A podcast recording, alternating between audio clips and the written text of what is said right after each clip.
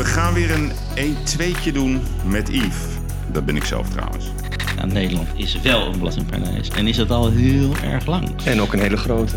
Het is toch absurd dat je aan de ene kant niet. je eigen burgers eh, het leven zo zuur maakt. Ja. En aan de andere kant eh, eh, buitenlandse hele grote rijke bedrijven daarvoor de rode loper uitlegt. Dus ik denk dat we gewoon tot de conclusie moeten komen dat de politiek gaat het niet veranderen. Beste luisteraars, eh, lieve kapiteinen, welkom bij een nieuwe aflevering van De Uitblinkers. En vandaag zijn het er twee. Ze zitten al tegenover mij. En vorige week had ik eh, een mooi gesprek met eh Etcilia Romli. Zij was de uitblinker van de week, uiteraard vanwege het Songfestival. Ze vertelde over haar leven. Ze vertelde ook over haar presentatie met Chantal Jansen en Nicky de Jager en Jan Smit. Prachtige anekdotes. En ze was ook nog bereid om te zingen. En vandaag gaan we het over een eh, iets serieuzer onderwerp hebben. Alhoewel het Songfestival natuurlijk ook heel serieus is. Maar ik ga in gesprek met eh, twee eh, onderzoeksjournalisten. Joost van Kleef en Henk Willem Smit over het belastingparadijs. Zij schreef al in eh, 2013 een, een prachtig boek over Nederland als belastingparadijs. En waarom betaalt u wel belasting? En zeg maar, de multinationals doen dat niet. Nou, ze hebben een nieuwe versie gemaakt. Ik heb het al gelezen. Het is eh tenenkrommend eh, om te zien hoe het nog steeds is georganiseerd. En het lijkt dat het nooit gaat veranderen. En ik wil graag met de heren de duiding gaan zoeken. Wat is een trust? Hoe werken die constructies? Wie zondigen zich eraan? En hoe gaat het nou wel of niet een keertje stoppen? Ik zou zeggen, ga er rustig eh, voor zitten. Het is belangrijk. Het is essentieel materiaal. En eh, de heren zitten me met smacht aan te kijken. Dus ik zou zeggen, we gaan op zoek naar de ellende van de belastingconstructies. Ja, welkom heren. Ik heb jullie net eh, ge- uitgebreid geïntroduceerd. Auteurs, quotejournalisten, geldjagers. Misschien ook belastingontduikers, maar daar gaan we het zo over hebben. Ja, links van mij, ja, de luisteraar kan dat niet zien, eh, zit eh, Joost van Kleef. En dan tegenover mij Henk Willem Smits. Ik mis de derde auteur, Martin Vrees, de miljonair. Waar is die? Ja, op het strand, eh, denk ik. Ja, ik weet het niet. Of op een belastingparadijs. Ja, precies. Die zijn geld aan het tellen.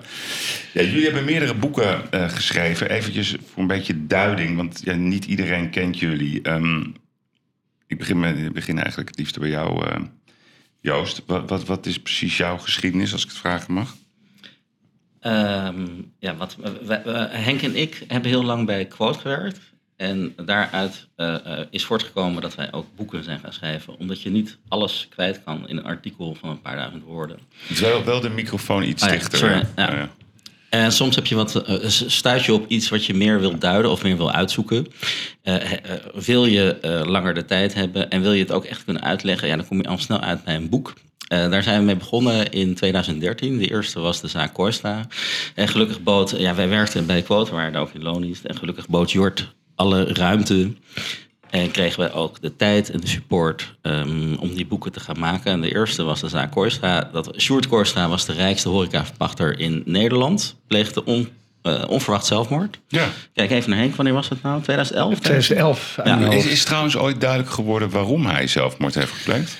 ja, waarschijnlijk omdat hij op het punt stond eh, failliet te gaan. Ja? Heineken, Heineken was vast van plan eh, om hem voor eens en voor altijd omver te trekken. En eh, hij had geen zin eh, daar, dat, eh, dat, eh, dat toe, te zien, toe te moeten zien. En is ook bekend hoe hij zelfmoord heeft gepleegd? Ja, hij is met een pillencocktail eh, in bad gaan liggen. En toen was hij dood. Ja, Oké. En toen was hij dood. Maar interessant aan Korstra was... ehm, waarom, heeft die man, eh, waarom is die man zo groot geworden? En na zijn dood bleek dat hij gigantische schulden had... bij allemaal Nederlandse brouwerijen. De grootste schuld stond uit bij Heineken. Maar het was ook bij Grols. Eh, en wij, hebben- het, eh, het was 60, 70 miljoen. Ik kijk even eventjes naar... eh, het was eh, 120 miljoen. het was echt gigantisch. En dan denk je, ja, waarom hebben die brouwerijen zoveel geld geleend aan één man? Die al heel erg als onbetrouwbaar bekend stond. Ja, maar dat is toch volgens mij wel de klassieker. Dat als je 100.000 euro schuld hebt bij de bank, heb je een probleem. Als je 100 miljoen euro schuld hebt bij de bank, heeft de bank een probleem. En volgens mij had Kooistra het vermogen om mensen helemaal gek te maken. En volgens mij heeft hij die bier, bierbrouwers er zo diep ingetrokken dat ze, dat ze gewoon geen kant Hij, meer op hij was een meester in eh, de brouwerij tegen elkaar uitspelen Ja. ook, eh, inderdaad. Ja. Ja. En eh, dat, de- dat heeft hij op zich knap gedaan, ja. En jullie hebben Koistra eh, ook een aantal keer ontmoet. Ja, zeker. eh, vrij vaak zelfs. Ik sprak hem, eh, ik denk dat ik in de, de tien jaar voor zijn dood hem eh, toch wel twee, drie keer per jaar sprak. Ja. En wat voor man was het? Oeh, ja, dat is, het, is, het, was zeker een, het was zeker een figuur. Iemand die heel erg in zichzelf geloofde, in zijn eigen verhaal geloofde. Dat niet altijd parallel liep met de realiteit, zeg maar. En ja, wel enigmatisch, ja. Ja, maar was hij de Hans Klok van de Brouwer van, van, zeg maar, van, de, van de horeca? Ja, dat, dat denk ik wel. Hij heeft wel een, eh, soort. eh, nou ja, die kroegen waren wel allemaal echt van hem. Maar eh, Hmm. het was inderdaad allemaal met geleend geld. Dus hij, hij heeft wel een soort illusie weten Ja. te creëren, inderdaad. Ja. een soort luchtkasteel. Ja. En, en voordat het luchtkasteel zeg maar in elkaar is gedonderd, heeft hij zichzelf van kant gemaakt. Waar, waar komt jullie eigenlijk jullie fascinatie eh, voor, voor, voor mensen met geld, mensen met macht? Want ja, als je bij Code gaat werken, dan moet je daar een bepaalde fascinatie voor hebben. Ja. Waar komt die vandaan? Ja, dat weet ik eigenlijk niet. Ik ben, ik ben na, mijn, na mijn studie, eh, ik heb geschiedenis en journalistiek eh, gestudeerd. Hetzelfde als Joost min of meer, die heeft Nederlands en journalistiek gestudeerd. En wij kwamen allebei, ja, ook wel een beetje met, bij toeval denk ik, bij, bij Quote terecht. Ja. Eh, vrij snel mijn studie. En eh, ja, dan schrijf je natuurlijk over mensen met, met, met eh, geld en macht. En ja, het fascineerde me wel meteen. Maar kan daar nou niet, het is nou niet iets waar ik als scholier van droomde, zeg maar. Maar het, Men- was, het, was, het was wel heel leuk om te doen, ja. Mensen die rijk zijn, mensen met heel veel geld, die hebben vaak altijd een geheim. Als je dat niet hebt, word je niet rijk. Als je, als je een hele eerlijke vent bent, word je waarschijnlijk ook niet rijk. Ehm, als je niet iets doet wat alle andere mensen al doen, eh, eh, dan word je ook niet rijk. Dus ehm, rijke mensen hebben vaak een geheim. En het is interessant, of ik vind het fascinerend om achter te komen, wat dat dan precies is. Eh, dat kun je bijvoorbeeld ook zien bij Sjoerd Koorstra. Ehm, eh, die is rijk geworden met, met, met kroegen. Eh, maar, maar waarom en hoe heeft hij dat dan gedaan? En waarom werd Sjoerd de grootste verpachter van Nederland en, en anderen niet? Ja, goed, behalve dan de familie van der Valk.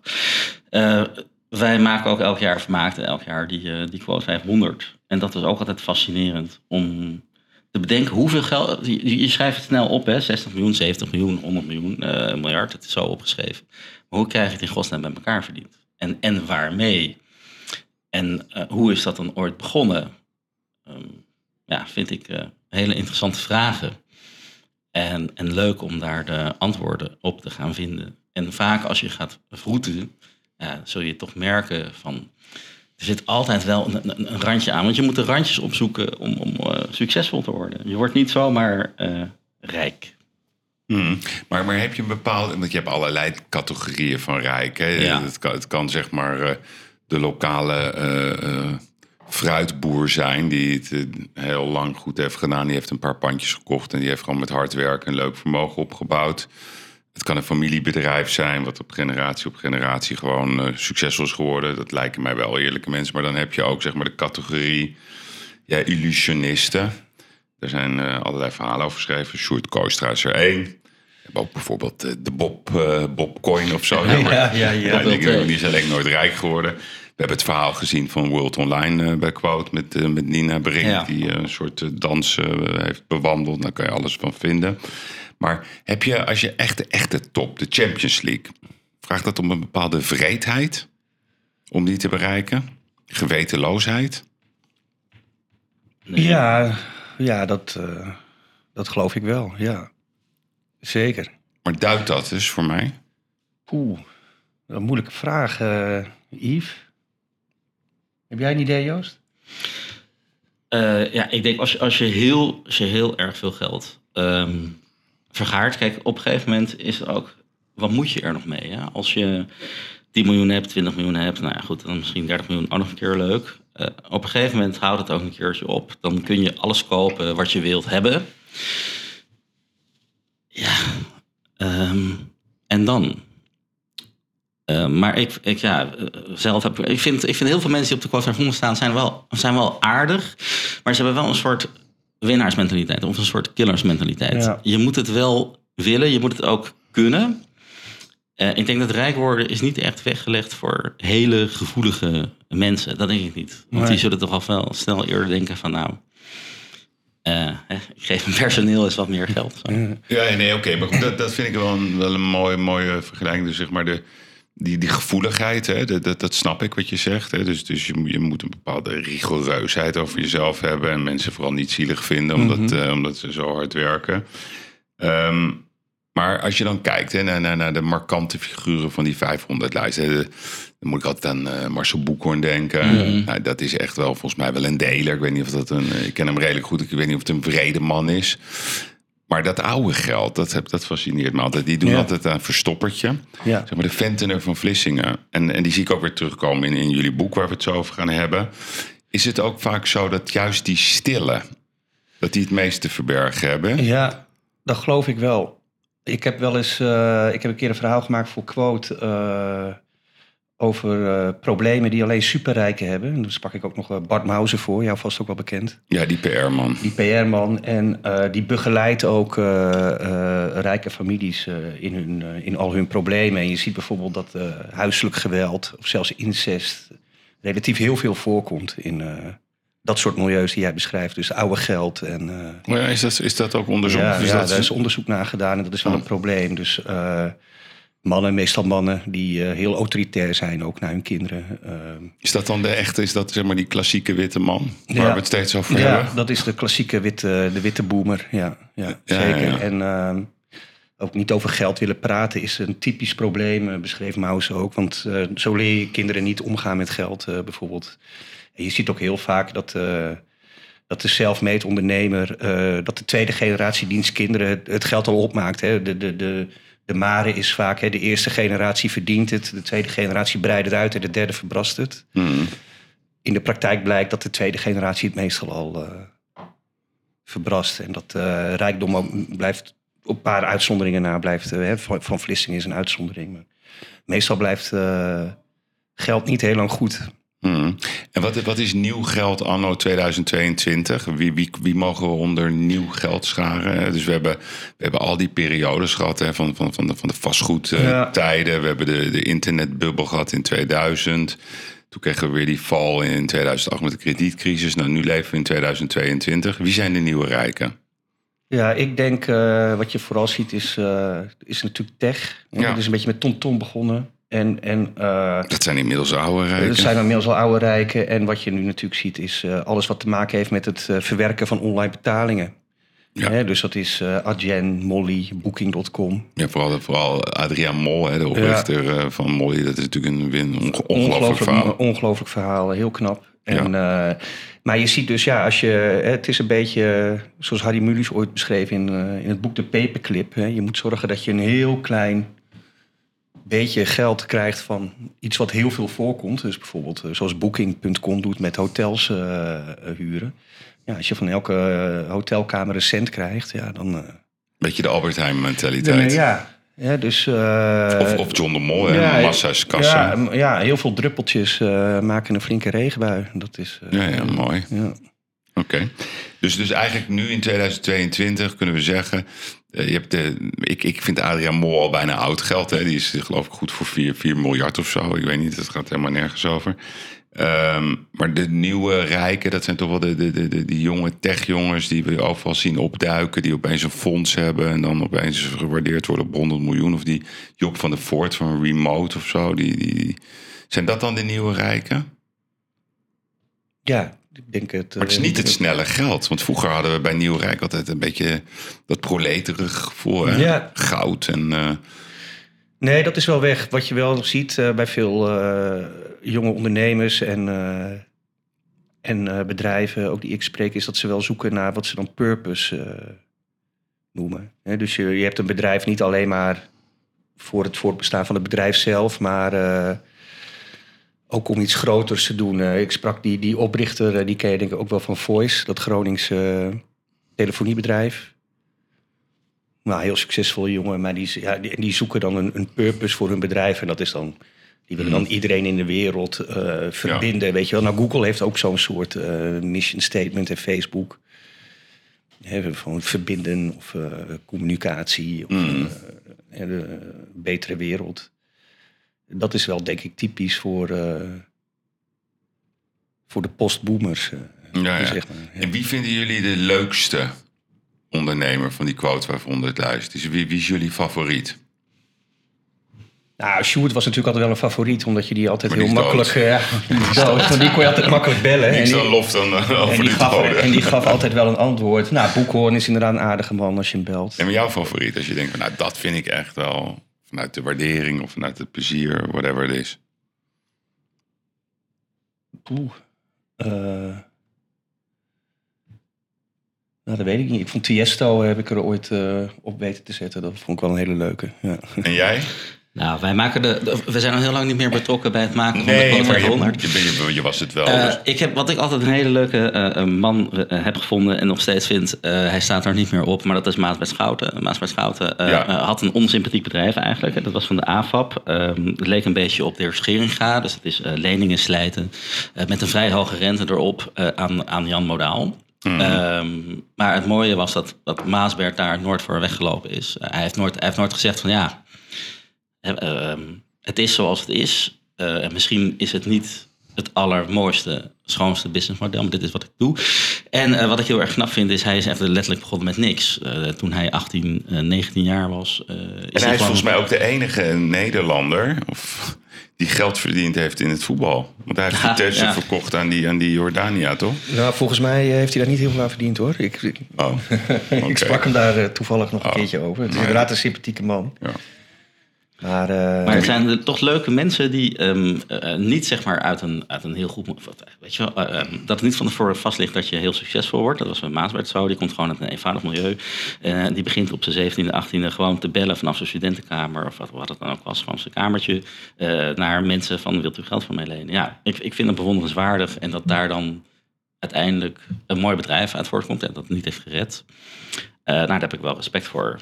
Ehm, toch iemand die het helemaal... Ik vind het eh, mooi als iemand het helemaal zelf, eh, zelf doet. Ja, ja, gewoon self-made man. Ja, en ook eerlijk is in, in, in, in wat je doet. En de kwal? Zijn er ook eh, de, Ah. de grootste kwal van de lijst dat je echt dacht van... ah, Nou, weet je wat het is? De leukste mensen eh, heb je altijd direct aan de telefoon... of die bellen je binnen een paar minuten terug. Ja. Eh, dat was echt zo bij de Quote 500. We moesten natuurlijk elke zomer... want in de zomer wordt die gemaakt. Je rekent een, iets uit. Je hoopt dat het een beetje klopt. Je gaat bellen met de persoon in kwestie. Ehm, als je door een haag van secretaresses moest... of als je stuitte op een muur... Ja, ik vind dat, dat, dat zijn uiteindelijk, bleek ook vaak, vind ik, niet de leukste mensen. Eh, Wees sportief, neem de telefoon op. Eh, eh, heb je trouwens ook nog een heel klein beetje invloed op het stukje wat we gaan schrijven. En vertel gewoon een beetje of het een beetje klopt of een beetje niet klopt. Wat dan ook. Kan jou het schelen ook. ja, maar de kwal?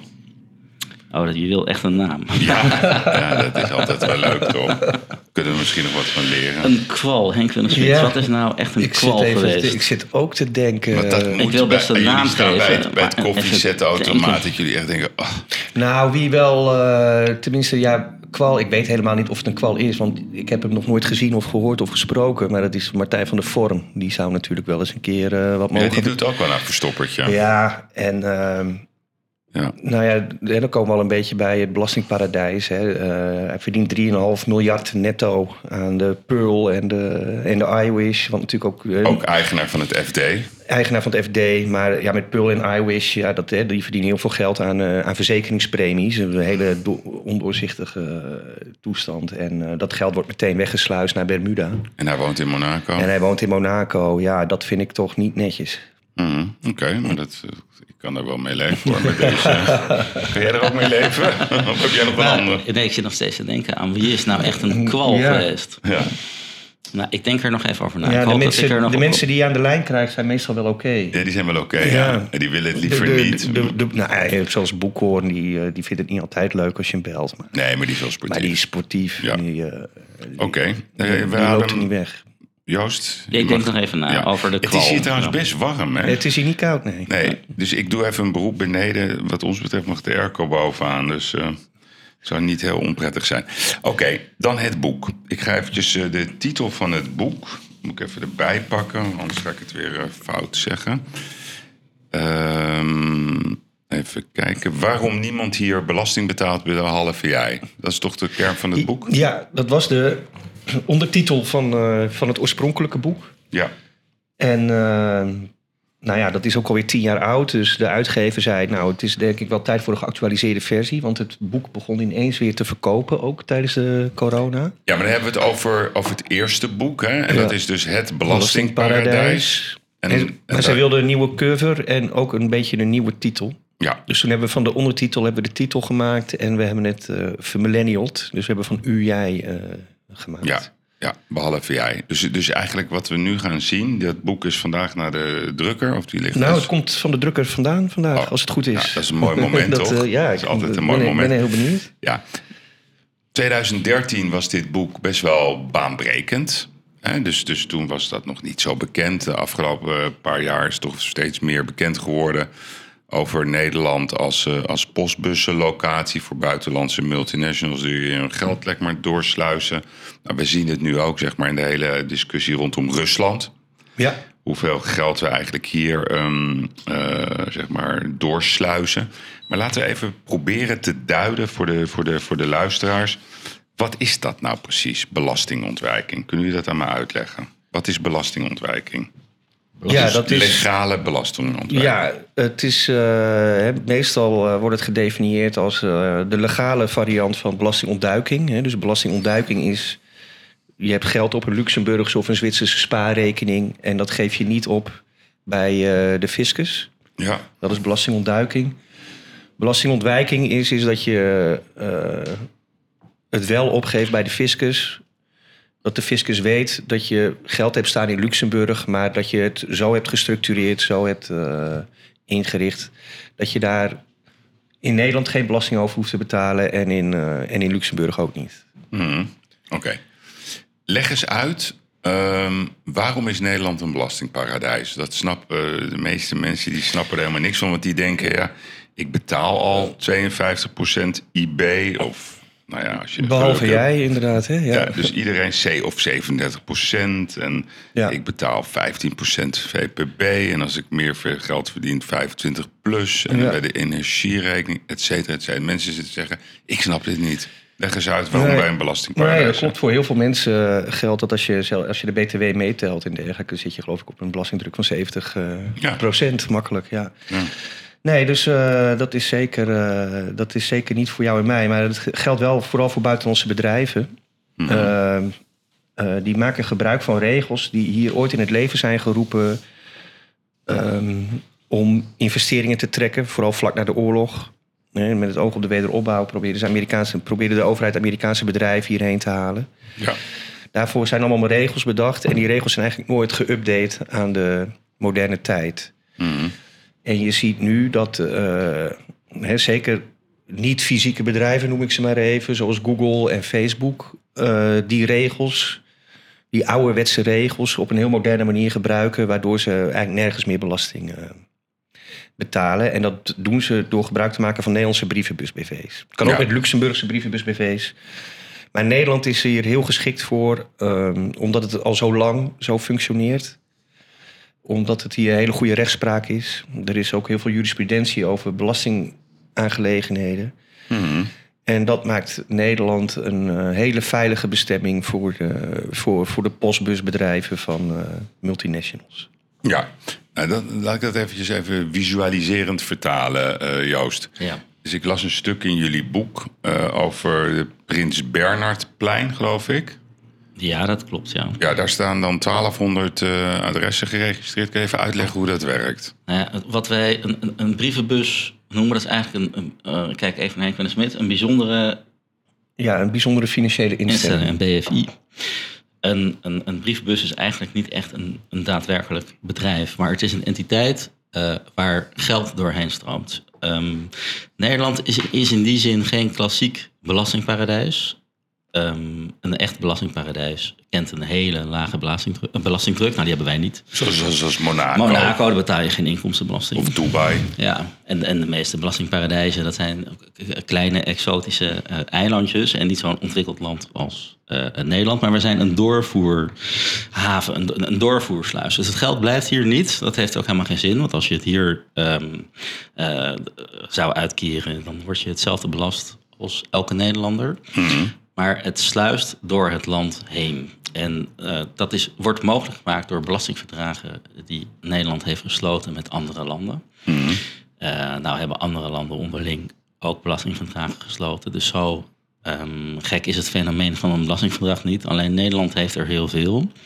En eh, Nederland sluit ze gewoon heel erg ehm, eh, eh, vaak gunstig af.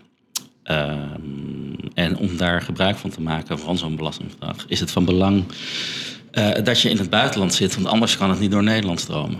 Dus jij en ik zijn uitgesloten van deelname eh, van het belastingparadijs. Wij moeten gewoon betalen.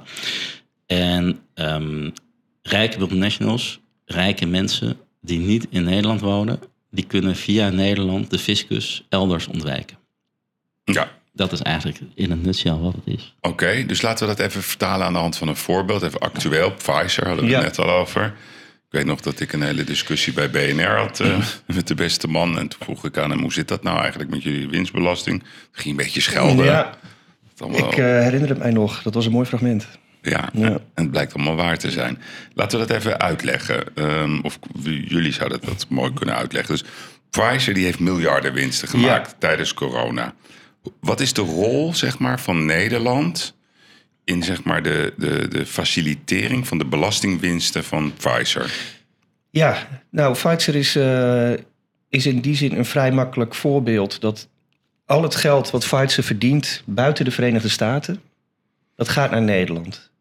Dus eh, als Zwitserland vaccins koopt, of de Europese Unie koopt vaccins, of eh, Brazilië of Albanië koopt vaccins, hè, die contracten zijn eh, online, die zijn, die zijn gelekt. Ja, Dan kun je zien dat eh, die, die landen rekenen af bij Pfizer in Capella aan de IJssel. Daar zit de brievenbus BV, zeg maar, van, van Pfizer. Dus daar stromen miljarden, miljarden, miljarden heen. dus dat geld komt. En, en weten we ook welke bank dat is? Is dat de Rabobank weer? Ja, of, of ABN AMRO, meestal is dat niet zo. eh, Maar daar komt het geld binnen.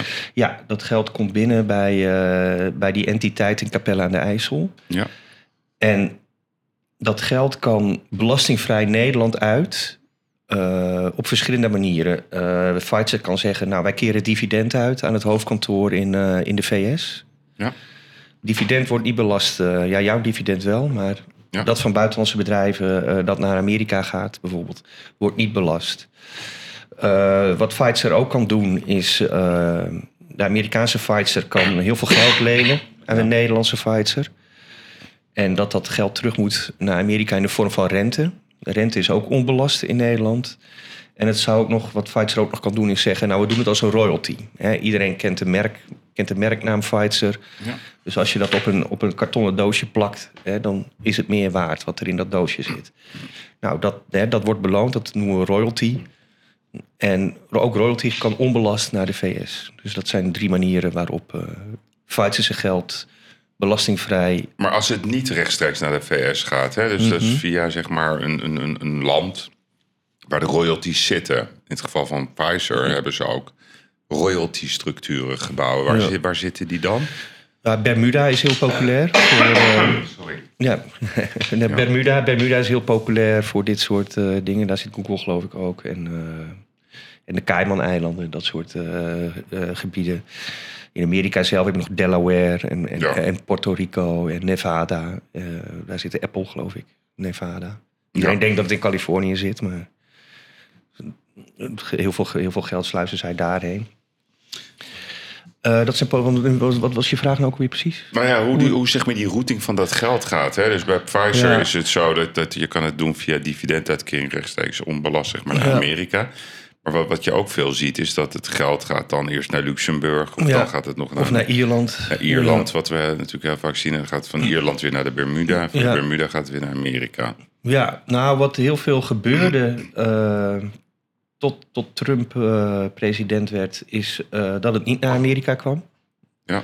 Ja, ze noemden dat eh deferred Texas, eh, werd dat vaak genoemd in jaarverslagen. Dus ze liet het geld op Bermuda staan of ze liet het boven de Ja. oceaan zweven. Hè, zo, de spaarpot op zee, in- in- zoals fiscalisten dat noemen. Ja.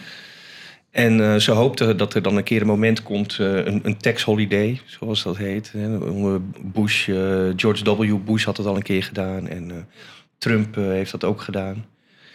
En, eh, en normaal als je je geld terughaalt naar de VS, dan betaal je echt heel veel belasting. Ik geloof wel 35 procent. Het is ook een beetje een vreemd belastingstelsel eh, in Amerika. Het sluit ook niet echt aan op het Europese eh, bijvoorbeeld. Mhm.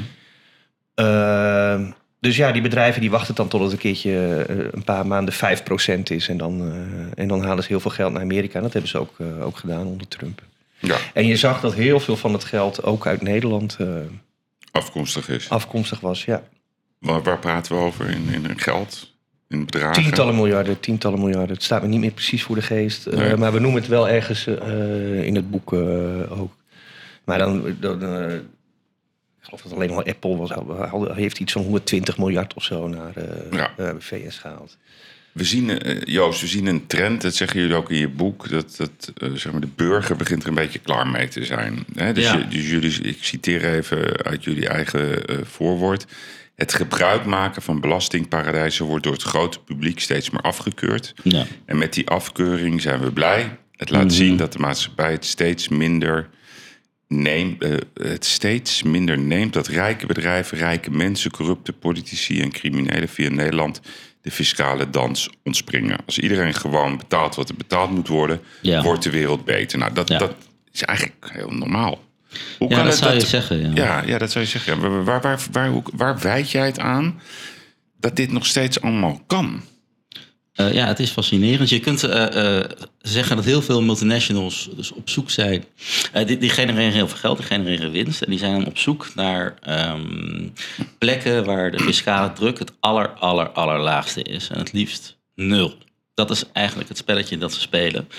Ehm, en daarmee gaan ze voorbij aan, aan, aan, een fair share. Als je in een, in een, in een land opereert, eh, ik noem een land als Nederland. Wij bouwen dat, hebben met, met z'n allen dat opgebouwd. Ehm, belasting is een van de meest eh, stabiele vormen en een van de belangrijkste pijlers eh, onder de maatschappij. Wij, wij betalen met z'n allen wat we hier hebben. Een hele goede gezondheidszorg. Het is veilig. We hebben een, we hebben een rechtsstaat. Je kunt van A naar B op een vrij makkelijke en comfortabele manier.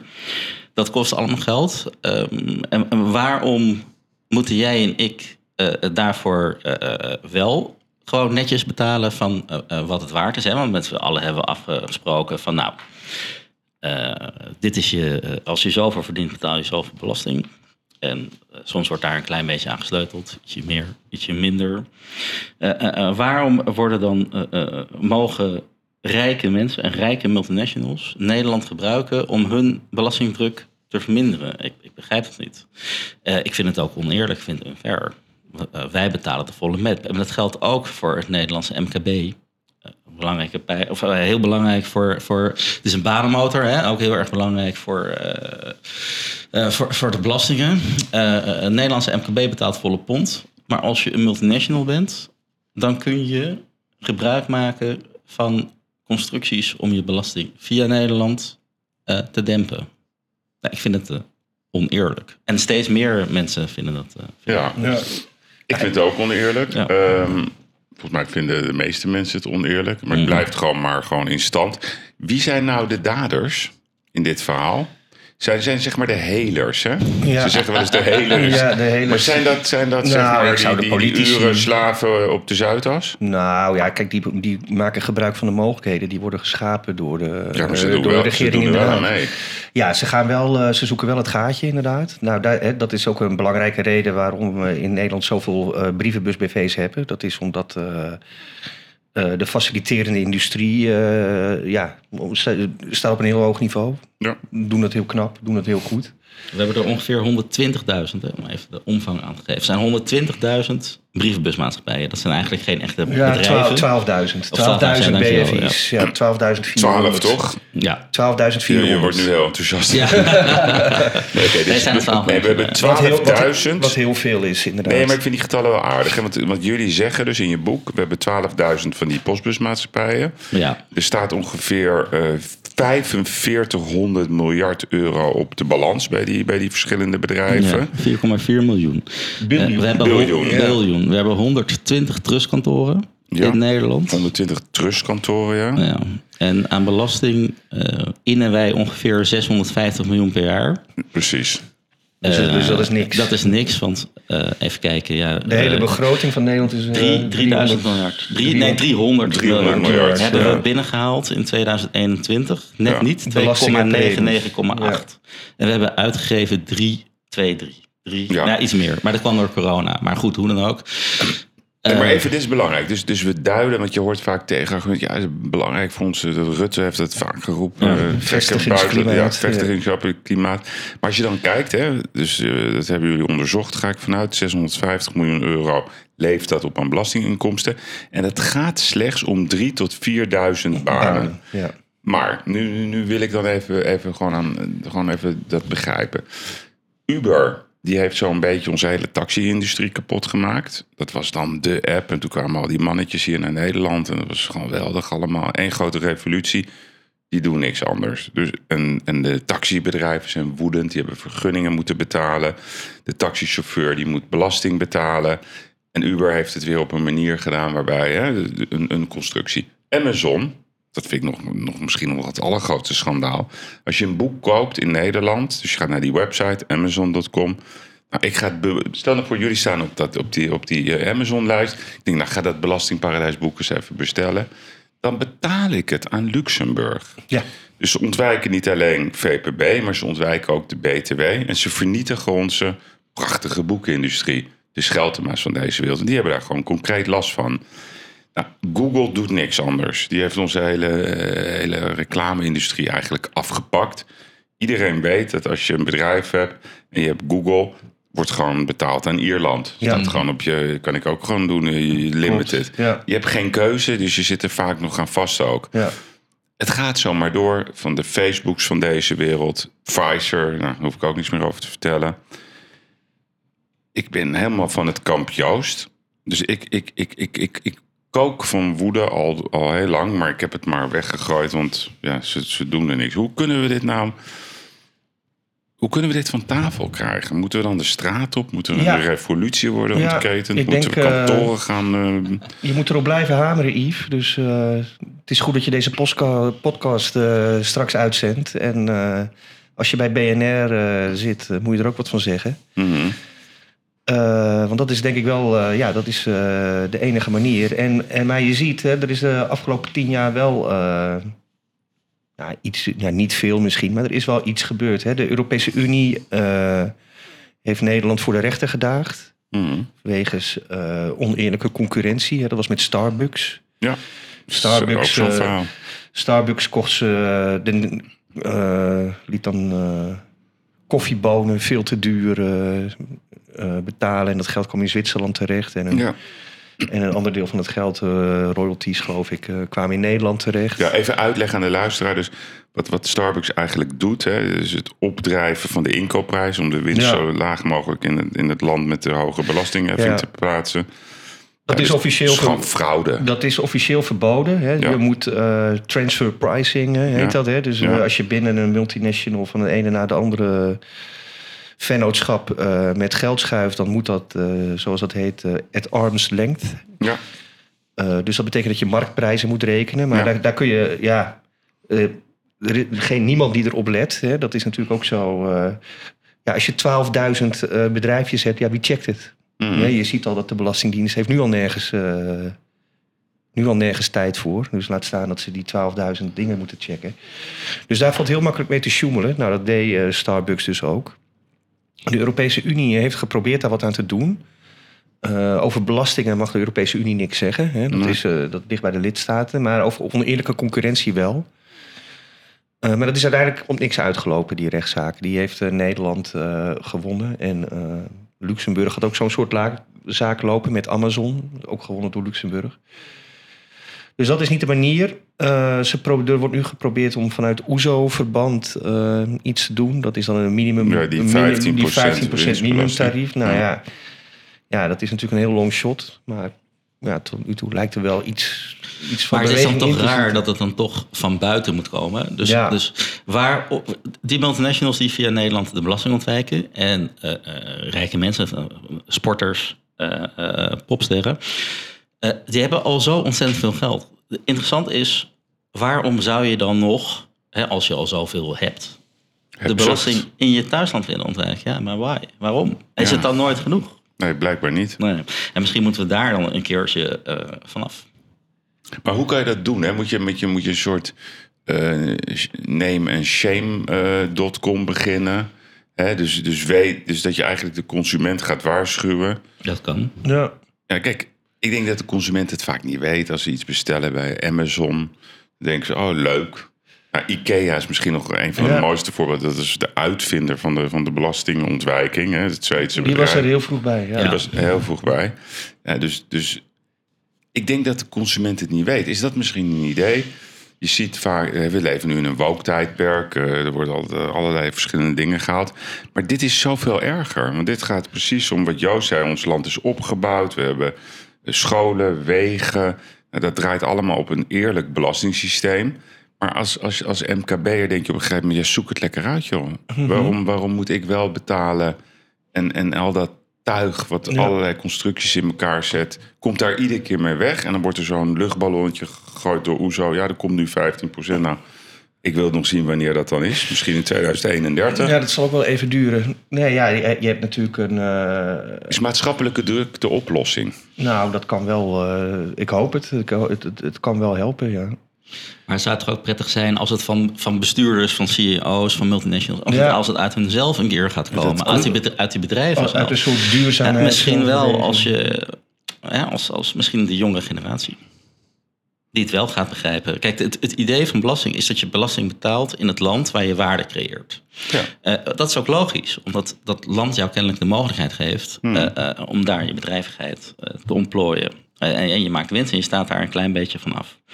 Eh dat is de deal. De, de deal, het is, het, is niet de bedoeling dat je al je geld ehm, zonder iemand tot dienst te zijn op een palmeneiland stalt. Want Mhm. wie heeft daar ook wat aan? Het zijn maar een paar, het zijn maar een paar mensen. Dat is hetzelfde eh, met die discussie van eh, het schrappen van de dividendbelasting. Eh, wat onder Mark Rutte- De dividendbelasting levert Nederland 1,4 miljard op. Dus zo heel veel is dat niet. Maar waarom zou je het schrappen? En als je het schrapt, waar komt het terecht? Bij aandeelhouders. En die aandeelhouders die hebben al heel... Het, het is niet nodig. En je maakt rijke bedrijven door dit soort eh, eh, toestanden toe te staan. Dus door belastingparadijzen. Je maakt ze nog rijker dan ze al zijn. En machtiger. En machtiger. En je kleedt je eigen industrie dus uit. Dus het is op zoveel vlakken eh, dom en onverstandig. En dat kun je ook nog gaan denken aan het ethische aspect naar je buurlanden toe. Want ehm, als bedrijven via Nederland de belasting ontwijken, dan betalen ze elders dus minder. Nou, Nederland, hartstikke bedankt. Rit. Ja. Eh, ehm, het is ook geen, het is geen fair spelletje, het is geen leuk spelletje. Eh, Iedereen begrijpt dat het eigenlijk niet kan, dat het de bedoeling niet is. En toch gebeurt het. Ja. Ik bedoel, het boek van ons is negen jaar oud. Nou, en nu weer, we hebben Marnix van Rijen, nieuwe staatssecretaris van, eh, van, van de Belastingdienst. Die zegt vrolijk eh, in januari, toen hij werd aangesteld... Nederland is geen belastingparadijs en gaat het ook niet worden. Nou, Nederland is wel een belastingparadijs en is het al heel erg lang. En ook een hele grote.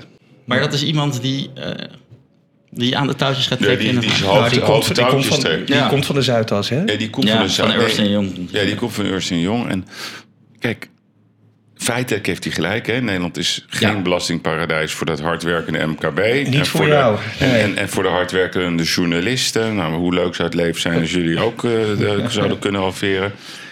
Dus dat is de truc wat hij speelt. Alleen wat jij zegt, Joost, ja, ik begrijp het niet. Ik begrijp het ook, zeg ik je heel eerlijk gezegd niet. Maar aan de andere kant begrijp ik het wel. Want ik heb in mijn leven zo vaak met dat soort heren, het zijn vaak altijd heren, gesproken. Ja, die zeggen, ja, wat is je fout? Dat mag toch, zeggen ze dan altijd. Dat zijn ook de bedrijven, dus die CEO's. Dat zijn dezelfde mensen die hon- mond vol hebben over duurzaamheid. Nou, dan weten we ook dat het allemaal gelul is. Dat doen ze alleen maar omdat het moet. Niet omdat ze het willen, maar omdat het moet. Ik denk, maar dat is meer een suggestie voor jullie. Ja, dat je echt een, een soort, soort koploperslijst moet gaan maken. Ja. Wie zijn de grootste belastingontwijkers van ons land? ja, nou die lijstjes eh, heb ik ook wel eens gemaakt hoor. Ja, maar misschien moeten jullie dat koppelen aan je boek. Ja, dat is een goed idee. Ik denk dat de mensen op straat het gewoon niet eens weten. Als zij voor de, voor de kassa staan bij Ikea... of weer een bestelling gaan plaatsen bij, ehm, hoe heet het, eh, Amazon... Ja. of bij de, bij de ethos staan om weer een, zo'n Amerikaans product. Ze weten het niet. Nee. Ik zie het als een gouden opportunity voor jullie. Ja, nee, we hebben ook wel eens gedacht om een keurmerk. eh Ja. Maar waarom Eh, doen jullie dat bedenken. niet? Oeh, ja. eh, Ik denk dat iedereen jullie gaat steunen daarin. Ja, het, eh, het is een goed idee. Het is een goed idee. Volgens mij heeft Oxfam Novib ook wel eens eh, met Ja. het idee gespeeld van een eh, Ja. keurmerk. Maar eh, Ik vind het veel leuker als journalisten het doen. ja, En zeker, Maar- jullie maar hebben een bepaald verleden ook, waardoor Ja. je ook, vind ik, een alibi hebt om dit te maar een keurmerk is een hoop werk hoor. Je staat al, natuurlijk altijd weer zo voor het hekje als eh, Ja, iemand iets niet bevalt. Maar de, de nieuwe editie is er natuurlijk niet voor niks. Hè? Want wij hebben hem, nou, in 2013 is hij voor het eerst uitgekomen. Het heeft dan ook heel veel publiciteit eh, gehaald. Ehm, je verwacht of je hoopt een beetje ehm, dat het dan ook gaat leiden tot, ehm, tot, tot ander gedrag. Het, wordt over gediscussieerd. Je denkt, nou god, we hebben iets aanhangig gemaakt eh, wat misschien onderbelicht was gebleven. Ineens was er heel erg veel aandacht voor en uiteindelijk heeft dat toch weg. En zie je, en vinden wij, ja, dat er eindelijk niet zo heel erg veel veranderd is. Ehm, het wordt soms multinationals wel een heel klein beetje eh, moeilijker gemaakt, maar dan zoeken ze weer een ander gaatje in. ehm, Ja. eh, dus, ja, het is ook een red race, hè? maar zijn het met name de multinationals die zich hier aan... eh, Het zijn ook rijke mensen, vermogende mensen, popsterren, sporters, Formule 1-coureurs. Ja, maar Noem maar bijvoorbeeld iedereen Max geld. Verstappen. Hè, Ja, de- de- woont die- in Monaco. Die woont gewoon in Monaco, ja. Ja, Daar heb ik niet zoveel moeite mee, zeg ik heel eerlijk. Dat vind ik weer een ander verhaal. ja is misschien Het is vrij anders. transparant. Ja, die jongen, die, die, die- zijn we het ermee eens? Ja, misschien niet, maar het is een Belg. Die is in Ja. Monaco gaan wonen. En hij, en hij woont ook in een heel klein flatje in Monaco. die Nee, duur. hij is niet zielig. En we kunnen natuurlijk zeggen, ja, we zijn fan van hem. Dus hij levert, hij levert ook nog wat. Hij, Ja. geeft, hij levert ons in ieder geval plezier. Ja, maar maar ja. laten we even, even dan... Maar ik, zou, ik gun het niemand om in Monaco te wonen. Nee, dat ik is ook niet zo. Nee, nee, maar, maar is noem dan even leuk. De, de twee hoofdgroepen. Dus we hebben hoofdgroep 1, de multinationals. Ja, dat is ook wel echt de bulk hoor. Ja. Ja, En wie zijn dat dan? Noem eens wat namen, zeg maar. Van, ja je, kan, je kan beter vragen wie niet. Er is geen multinational in de wereld De hele AIX-index. die, die niet... Nou. Nou ja, kijk, Nederlandse bedrijven eh, kunnen niet via Nederland de belasting ontwijken. Dus je ziet Heineken en ASML en dergelijke, die doen het via België. Eh, maar buitenlandse bedrijven, nou, noem maar een multinational, ga er maar vanuit dat zie je zitten. Elk oliebedrijf, hè, Exxon, Total, eh Luke Oil. Lukoil, eh alles zit hier, alle pharma, ehm, techbedrijven, Google. Google. In ieder geval, dat is wel wat aan het veranderen nu. Ja, Eh, door, door, door nieuwe regels. Ja. ja. Eh, Amazon zit ook niet in Nederland, maar heeft voor Nee, Luxemburg, eh, Luxemburg. voor Luxemburg Ja, gekozen. Die verkoopt in Nederland. Eh, maar je ziet ook, eh, ja, noem eens wat Chinezen, Hu- Huawei en Huawei, Ali- ja. Alibaba, die zitten allemaal ook in Nederland. En alle Duitse bedrijven, Siemens, Volkswagen. De Angeli-familie is natuurlijk heel bekend. Hè? Juventus, Ferrari, Fiat, op papier allemaal Nederlandse bedrijven. Ferrero, volgens mij. ja, EA- EATS, de, de, de, de vliegtuigbouwer. Spaans-Duits bedrijf, eh, geloof ik eh, eigenlijk. Maar het zit ook in Nederland zogenaamd. Mhm. Ehm, ik, heb het, ik heb het bekeken aan de hand van de Fortune, eh, de, de, de top 100 van de Fortune 500 heb ik doorgenomen. En daarvan zitten er 55 in Nederland. En de bedrijven die niet in Nederland zitten, dat zijn staatsbedrijven, Chinese staatsbedrijven. Eh, dat zijn een paar Amerikaanse supermarkten zoals Kroger, die alleen maar in een VS werken en niet daarbuiten. Dan heeft het geen zin. Ja. En de Japanse spoorwegen en de Japanse posterij, dat soort bedrijven, die, Maar- die zitten hier dan niet. Maar bijna elke multinational. eh, Ja, maar Zit kijk, in wat wij, wat wij altijd zien, hè, dus het veranderproces, dan, dan het geschreeuw in die kamer. Hè, we moeten de rijken aanpakken. En dan wordt iedereen over één hoop gegooid. Dus ook gewoon die hardwerkende MKB-ondernemer. Dus, dus, dus het lukt ze maar niet om, om een verschil te maken tussen zeg maar, die grijpgrage, slimme, zogenaamd tussen haakjes intelligente multinationals. Die met de hulp van de Zuidas, laat het maar even zo lekker generaliseren, dit soort constructies optuigen. Wa- Waar, waar moet het. Want kan je nog steeds rulings maken in Nederland? Hè? Een Ja. ruling is een regeling met de Belastingdienst. afspraak, ja, ja. een afspraak, ja. Kan dat nog steeds? Dat kan nog steeds, ja. Ook voor dit soort. eh, Ja hoor, die worden nog steeds... eh, Iedere dag nog eh, gemaakt. Worden, worden nog elke dag gemaakt, ja. ja. Dus, dus, er, dus er is helemaal geen enkele intentie om het te stoppen. Nee. Nee, niet echt. Niet, eh, niet, bij, niet bij de VVD, eh, D66, eh, zelfs PvdA niet. Nee, je ziet al die, alle partijen die in de regering hebben gezeten de afgelopen decennia... hebben nooit echt er iets aan gedaan. Eh, ook PvdA-staatssecretaris niet, hè, Vermeend natuurlijk niet. Sterker nog, die was eh, een grote, grote propagandist voor eh, Belastingparadijs Nederland. Wouter Bos ook niet. Eh, als er wat gebeurde, dan was het onder druk van eh, of Washington of, eh, of Brussel. Hmm. En vaak eh, werd er dan voor de bühne vooral iets gedaan. Iets cosmetisch. Maar eh, veranderde het in de praktijk eh, heel weinig. Denken jullie dat we over negen jaar deel drie krijgen van het boek Het Ja, ik denk Belastingparadijs? het wel. Ja, ik Ja, denk en, dan, wel. en dat we precies dezelfde discussie hebben? Ja, dat denk ik wel. Dat denk ik wel. Nee, want wat Wel jij... droevig ja, eigenlijk. dat is wel droevig. Nou ja, wat, wat kan gebeuren is... En, en daar wees jij ook al een beetje... eh, daar wees je al een beetje op. Eh, jij zegt, ik kook van woede als, eh, als MKB-ondernemer. Want eh, jij betaalt 25% eh omzetbelasting en Sanoma. En, Nee, eh, nee, 21. nee, de oh, omzet- 21. Ja, en, en de VPB is wel 25% Oké, maar goed, Hearst en, en Sanoma betalen dat niet, hè, want dat zijn eh, dan, dan multinationals. Ehm, als alle MKB'ers stoppen met belasting betalen, omdat ze net zoals jij zo boos zijn Ja. over dit, eh, dit onrecht, ja, dan heeft het land wel een probleem. Hè, want de Belastingdienst heeft niet de capaciteit om achter iedereen aan te jagen. Hè. Het is nu zo dat, dat ik geloof 96 of 97 procent van de Nederlanders levert gewoon op tijd zijn eh, aangifte in. Ja. Hè, en dat, dat, dat- daar moeten we heel blij mee zijn. Precies wat Joost al zei. Hè. Daar betalen we de scholen, de ziekenhuizen, de snelwegen en de spoorlijnen van. Dus dat, dat moeten de mensen ook vooral blijven doen. Eh, maar dan moet je ze dus niet, de mensen die wel belasting betalen, zo tegen je in het harnas jagen. Zoals, eh, hè. Moeten niet, mensen zoals jij moeten niet heel boos worden. Ja, maar wat, wat, Want als iedereen tegelijk ermee stopt. Nee, maar ik heb er wel eens over nagedacht. Hè. Website www.stopmetbelastingbetalen.nl. Moest kijken, dan is het land lam, hè. Maar wat, ik, wat mij echt interesseert is... aan de ene kant schroomt de Belastingdienst en de overheid er niet op geen enkele manier over... om 21.000 gezinnen de vernieling in te jagen. Ze uit hun huizen te trekken. Kinderen zijn spoorlos, hè, toeslagenaffaire. We lezen nog iedere keer van die, van die jachten die er plaatsvinden op gewoon de normale MKB-ondernemer. Omdat hij zijn bonnetjes niet op orde heeft of wat dan ook. Er zullen altijd wel wat dingen zijn.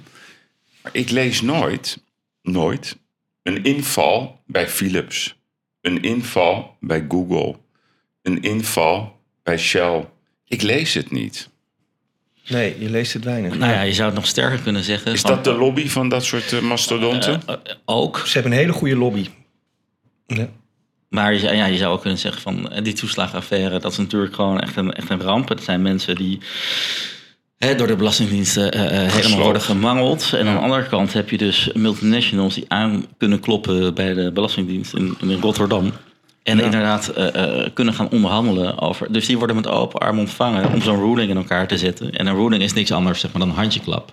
Ja. Van hoeveel bent u bereid om te betalen in, in Nederland?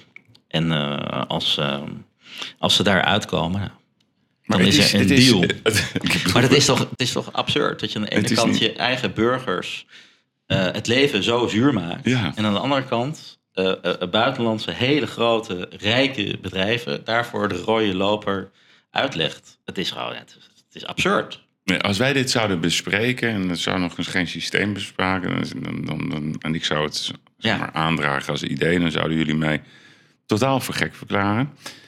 Ehm, het is krankzinnig. Het is maar haast het, crimineel. het is, ja, het is nog erger zelfs. Het is, maar het is nog steeds een feit. Ja. Het blijft een feit. We klagen erover. Nou, ik moest 2013 vond ik echt heel goed dat jullie daartoe mee kwamen. Dat ik, hè, eindelijk. Maar er is helemaal niks veranderd negen jaar na dato. Ik, ik zie nog steeds niks veranderen. Je ziet het nu ook met het, met het confisceren van Russische bezittingen. Er zit geen enkele urgentie op. Dat is heel raar, ja. Ze durven het niet. Dus ik denk dat we gewoon tot de conclusie moeten komen dat de politiek gaat het niet veranderen. Ja, toch zouden die... eh, dat zijn toch de, de, de mensen aan de knoppen. Ja, Die hebben, die hebben, het, eh, die hebben eh, de wetten en regels in Nederland zo ingericht... dat het heel aantrekkelijk is voor een bedrijf als Pfizer... om al zijn geld hierheen te halen en het belastingvrij door te sluizen. Ja maar als je dan ziet, hè, gaan toch even terug naar het BNR-verhaal. Dan zit je met die, met die Mark Kaptein. Ja, die, zit, die zit gewoon te lachen zelfs. Ja, Ja. we hebben een wereldreddend vaccin. We betalen- Nou ja, daar mogen Pfizer- die vraag te stellen? Ik vind, van mij mag Pfizer eh 100 miljard verdienen aan het vaccin. Het is een fantastisch product, maar betalen dan ook 25 miljard belasting. Ja, toch? Normaalste zaak van de Dan heb wereld. je, heb je nog heel veel geld verdiend. Ja. Wat hopen jullie dat er gaat gebeuren? Dus, dus jullie gaan nu wat rumoeren maken over het boek. Het komt weer op de agenda. Wordt het een storm? Wordt het een orkaan? Wordt het een windje? Wat, wat, wat, wat hopen jullie? Nou ja, met dit soort dingen, dat heeft gewoon volgens mij altijd een lange adem nodig. Dus eh, we, blijven er, eh, we blijven op de trom slaan. Ehm, het, het, ik denk dat op de lange termijn, hè, als je nog kijkt naar, naar eh, over 10, 20, 30 jaar, is het systeem is niet haalbaar. En dat heeft dan ook te maken met dat de rijke mensen alleen maar rijker worden. Eh, het heeft nu te maken met hè, dat st- steeds meer mensen in de middeninkomens in Nederland. Las ik gisteren eh, in de, of eh, vandaag in de krant. eh, kloppen ook aan bij de voedselbank of bij de schuldhulpverlening. Je, eh, geld is niet bedoeld om heel veel geld bij een hele kleine elite Mhm. het, het heeft geen zin en het werkt niet. Dus eh, ehm, we, we zitten op een doodlopend spoor. Dit is, dit is niet goed.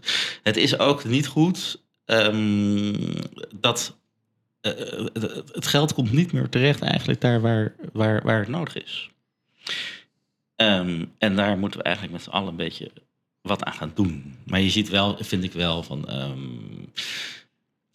er is wel veel meer aandacht voor het feit dat we misschien eh, ehm, het geld beter moeten gaan verdelen. Ja, alleen dat, dat, dat hoor je de hele tijd. Dat hoor je jaar in jaar uit. Hè. Dat roept de SP. Dat, Steeds meer. het zijn de bekende... Ja, maar toch krijgen ze geen stemmen.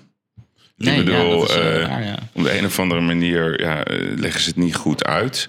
En dat komt volgens mij omdat ze generaliseren. Omdat er ook mensen zijn die denken... ja, wacht eens even, ik werk gewoon heel hard. Ik draag keurig eh, mijn eh, centjes af. Jaar in, jaar uit, decennia lang. Ik vul mijn blauwe biljetten keurig in. Ik doe mee aan de samenleving. Ja, rot op. Ja. En dat, dat vind ik, dat is zeg maar die, die, die, die, die, die tegenstrijdigheid. Dat er mensen zijn die heel veel doen voor de, voor de buurt. Die hebben dan 500 mensen in dienst. Die doen mee, die betalen loonbelasting. Die zorgen voor, een, voor, voor, voor ja, dynamiek in de omgeving. Die betalen VPB. ja. Dus die, die leveren echt een hele mooie bijdrage aan de samenleving. En dan hebben we zeg maar, die, die vervelende component van de slimste jongetjes uit de klas. Zeg maar de Einsteins onder de constructiemachine. En die komen overal mee weg. En ze zijn allemaal onzichtbaar. Want Ja. ze weten niet wie het zijn, wie het bedenken. ja. Ja, ik, ik, ik, het is wel mijn tip hoor. Ja, je hebt helemaal gelijk. eh. Trek het open. maar, maar, nee, maar ik, ik- Kijk, in 2013 kwamen jullie ermee. Nu komen jullie met deel 2. Ik heb het gelezen. Ik vind het, het, het is vermakelijk. Voor mij is het ook herkenning. Dus voor, voor mensen die nog niet hebben gelezen, zeg ik, ga het lezen. Omdat het ook, het is lesmateriaal. Het is bijna verplicht collegemateriaal.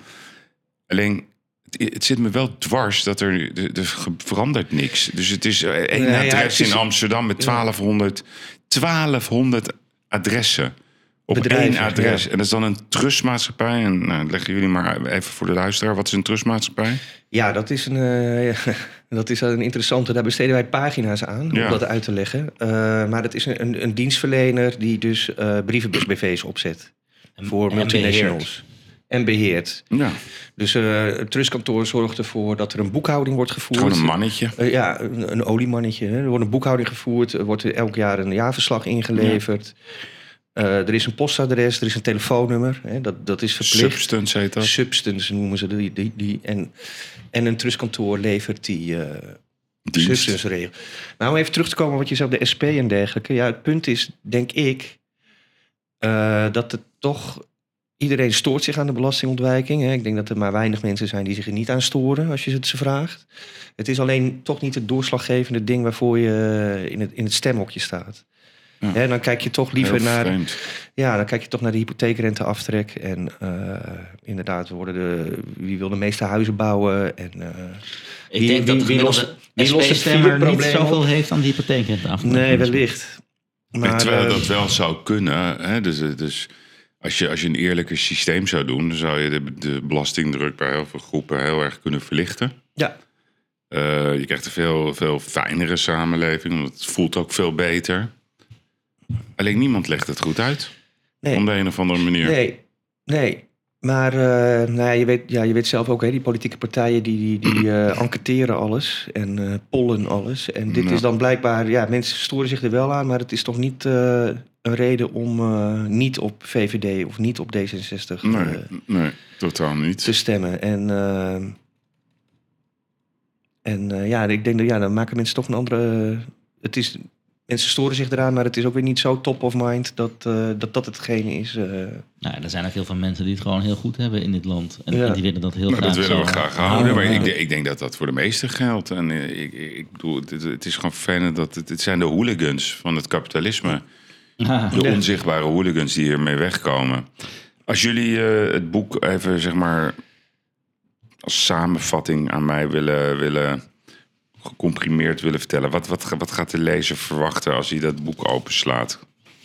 Nou ja, Wat, ik- is ik- het nou eigenlijk precies? Ik, ik denk dat je heel erg verbaasd bent ehm, over wat er allemaal eh, in dit land eh, gebeurt. En hoeveel geld er doorheen stroomt.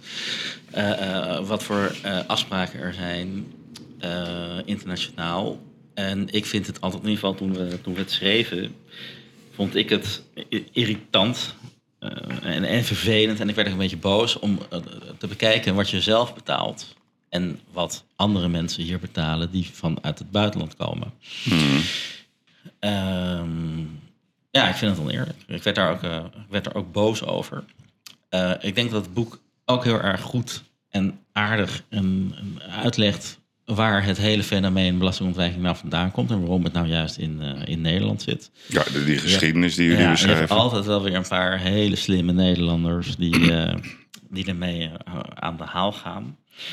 Ehm, ja, dat is ook wel weer fascinerend aan ons, aan ons volk, denk ik, of aan ons land. Ehm, ja, het is, en, en uiteindelijk denk ik, als je het boek eh, dichtslaat, je denkt, jeetje, wat heb ik gelezen? Wat een ontzettend eh, bizar fenomeen. Eh, waarom bestaat dit? Ehm, ja, en ik denk die laatste vraag vind ik heel erg interessant. En daar, daar is helemaal nog geen antwoord. Niemand die daar een antwoord op heeft. Waarom bestaat het? Alleen maar om die paar trustkantoren, die, paal, die Ja. paar fiscaal, slimme fiscale advocaten, een, een dikke uurrekening.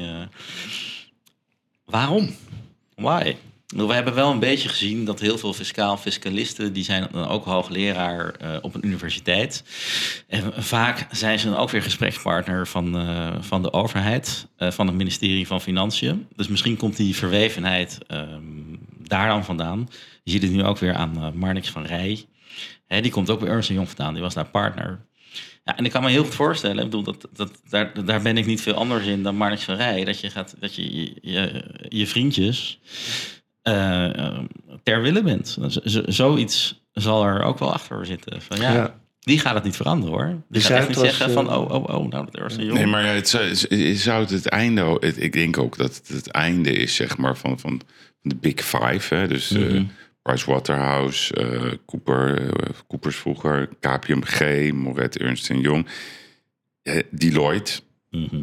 dat is ook het einde. Als, als, als zij dit soort constructies niet meer mogen bedenken. Of Lois en Loef, misschien nog een van de meest Ja. fameuze... eh, Loyens Loef eh, zou het voor een heel groot probleem zijn. Maar inderdaad, voor, die, voor, de, voor, de, voor de Big Four accountants. eh, meestal hebben ze drie, drie poten. Hè, dus dat is jaarrekeningen nakijken. En dan iets wat ze advisory noemen. Dus dat is vaak met IT dingen adviseren. En, en eh, belastingontwijkconstructies. Maar ook bijvoorbeeld deze ook een. Grapperhaus, die komt ook daar Ook van de. Zuidas. Marnix van. Rij, eh, Wouter Bos, onze, onze socialist, ging meteen naar, eh, hoe heet het, naar Balken KPMG. Balken en Balken en Ernst Jong. Of McKinsey, wat was het? Ja, dus het is een soort carousel wat elkaar in stand houdt. En de waarom-vraag, hè? Dus Mhm. why? waarom kan dit niet morgen gewoon stoppen? Ja, misschien moeten jullie het boek aanbieden Nou ja, met een leuke video gaan we erbij aan zeker doen. Rutte. nou, eh, dat gaan we zeker. eh, Rutte, Rutte en Van Rij eh, zullen, zullen Nee, maar gewoon, en dan, en dan als vraag, wanneer stopt het? Ja, Ja, dat is wel een hele goede. Ja. Gewoon simpel. Volgens mij is dat het enige, namelijk, wanneer stopt dit? ja. Nou ja, wat zou kunnen helpen inderdaad is eh, als het wat diverser wordt inderdaad. Je ziet natuurlijk die, die Zuidas en de, en de Haagse politiek zijn eh, heel innig verstrengeld. En dat zijn ook mensen die elkaar voortdurend kennen. Dus je ziet ook dat eh Zuidas altijd een hele goede lobby heeft. Tot in de ministerraad. Ja. Ja, en het zou natuurlijk wel schelen als er wat meer vrouwen en personen van kleur bijvoorbeeld in die elite zouden opgenomen worden, die daar misschien anders naar kijken, hè, die wel oog hebben voor de derde wereld, die, die wordt benadeeld eh, door de belastingparadijzerij hier. En dat dat al zou schelen. Het is natuurlijk altijd dezelfde soort groep eh, mannen die, eh, die zowel op de Zuidas als in Den Haag de touwtjes in handen heeft en die ook el- elkaar die baantjes gunt. Ja, En Van Rij, Van Rij en Grapperhaus zijn daar inderdaad hele goede, hele goede voorbeelden van. of slechte voorbeelden. Slechte voorbeelden, hoe je wil. Maar ja, Goede, slechte voorbeelden. het zijn natuurlijk typische boomermannen inderdaad. Die, Ja. eh, Ja. Maar het blijft toch fenomenaal, zeg maar, dat zo'n dat zo'n Van Rij kan gaan zeggen van Nederland is geen... Ja, het is niet verbijsterend, Dat is ja. echt tandsteen. Dat, is bizar. Weet je, Nou ja, die man kijk, met kijk naar ogen. Hoekstra. Die had toch ook ergens in Panama. Wat was het ook weer? ja, Waar, waar zat zijn... Eh, eh, Maagdeilanden. Of zoiets. ja. Maagdeilanden. Dat was een, een vriend van hem met, een, eh, met ecotourisme in, eh, Ja. in Afrika. Ja. Het is wat. Oké, heren. Ik wil jullie danken voor de, voor de duiding en voor de uitleg. Het is, eh, ik ben er niet gelukkiger van geworden. Maar aan de andere kant motiveert het wel om het, om het te blijven benoemen. Misschien dat dat tot iets gaat leiden. Is er nog iets waar jullie op terug willen komen? Heb ik iets vergeten? Eh, nee. Nee, volgens mij niet. Ja, ik had nog een leuk feitje, had ik nog opgeschreven. Kwam ik tegen tijdens de research. Want Jan Kees de Jager, die was de staatssecretaris in 2009. En die twitterde dan van eh, de laatste stand zwartspaarders. Want hij was, Wat eh, zeg je? hij was eh, op zoek naar het zwarte geld van Nederlanders. Ik weet niet of je dat nog weet. Van de slagers en de kroegbazen. Zeker. En die had 1,8 miljard eh, verzameld op 31 december 2009. Ehm, ja, en dan denk ik, jeetje, je jaagt op je eigen volk. Ja. En, en, en andere eh, bu- buitenlandse entiteiten mogen hier komen om de belasting te ontwijken. Ik vind het gewoon heel raar. Ik vind het heel raar gedacht. Ja, een mooi voorbeeld. En daar ga ik eentje aan toevoegen. Die is mij ooit verteld in Den Haag. Eh, ik zat aan tafel met een eh, vrij dronken Willem Vermeend. Die mij vol enthousiasme vertelde dat hij ook ooit de leider was van de operatie Krulstaart. En wat was de operatie Krulstaart? Dat ze gingen de boeren slopen in Brabant die ook iets te veel zwarte centjes hadden verdiend. En dan ging hij samen in een he- helikopter met Frank de Graven. En vol trots vertelde hij dat hij dan vroeg opstond met zo'n gevechtspak aan. En samen gingen ze de boeren slopen. Als we deze twee voorbeelden eigenlijk even aan elkaar eh, lijmen. Jan Kees de Jager, Willem Vermeend, Marnix van Rij, Hoekstra, Grapperhaus. En dan hebben we, de, hebben we het verhaal wel, wel helder. Ja, er is in Nederland denk ik heel veel zwart geld verdiend. Ook in België. Maak daar dan een ruling mee. Zeg je, we begrijpen dat dat zo ooit gegaan is. Je kan het nu afkopen voor 25% Dan scheelt dat heel veel ellende. Ga nou eens een keer jagen op de echte boeven van het land. Het is een boodschap. Misschien luisteren ze naar ons. Ik verheug me wel op het videootje dat jullie het boek gaan aanbieden aan Marnix en, eh, en Mark en M&M. Gaan jullie dat doen? Als, eh, ja, als jij het kan organiseren, eh, Yves. Hoezo? Je wacht hem gewoon op. eh, ja, Oh, ja. Het kost tijd, hè? Je, kan, je hoeft alleen maar naar, naar de. Kun jij niet een feestje geven waar we ze tegenkomen? Het feestje is iedere dag in Den Haag.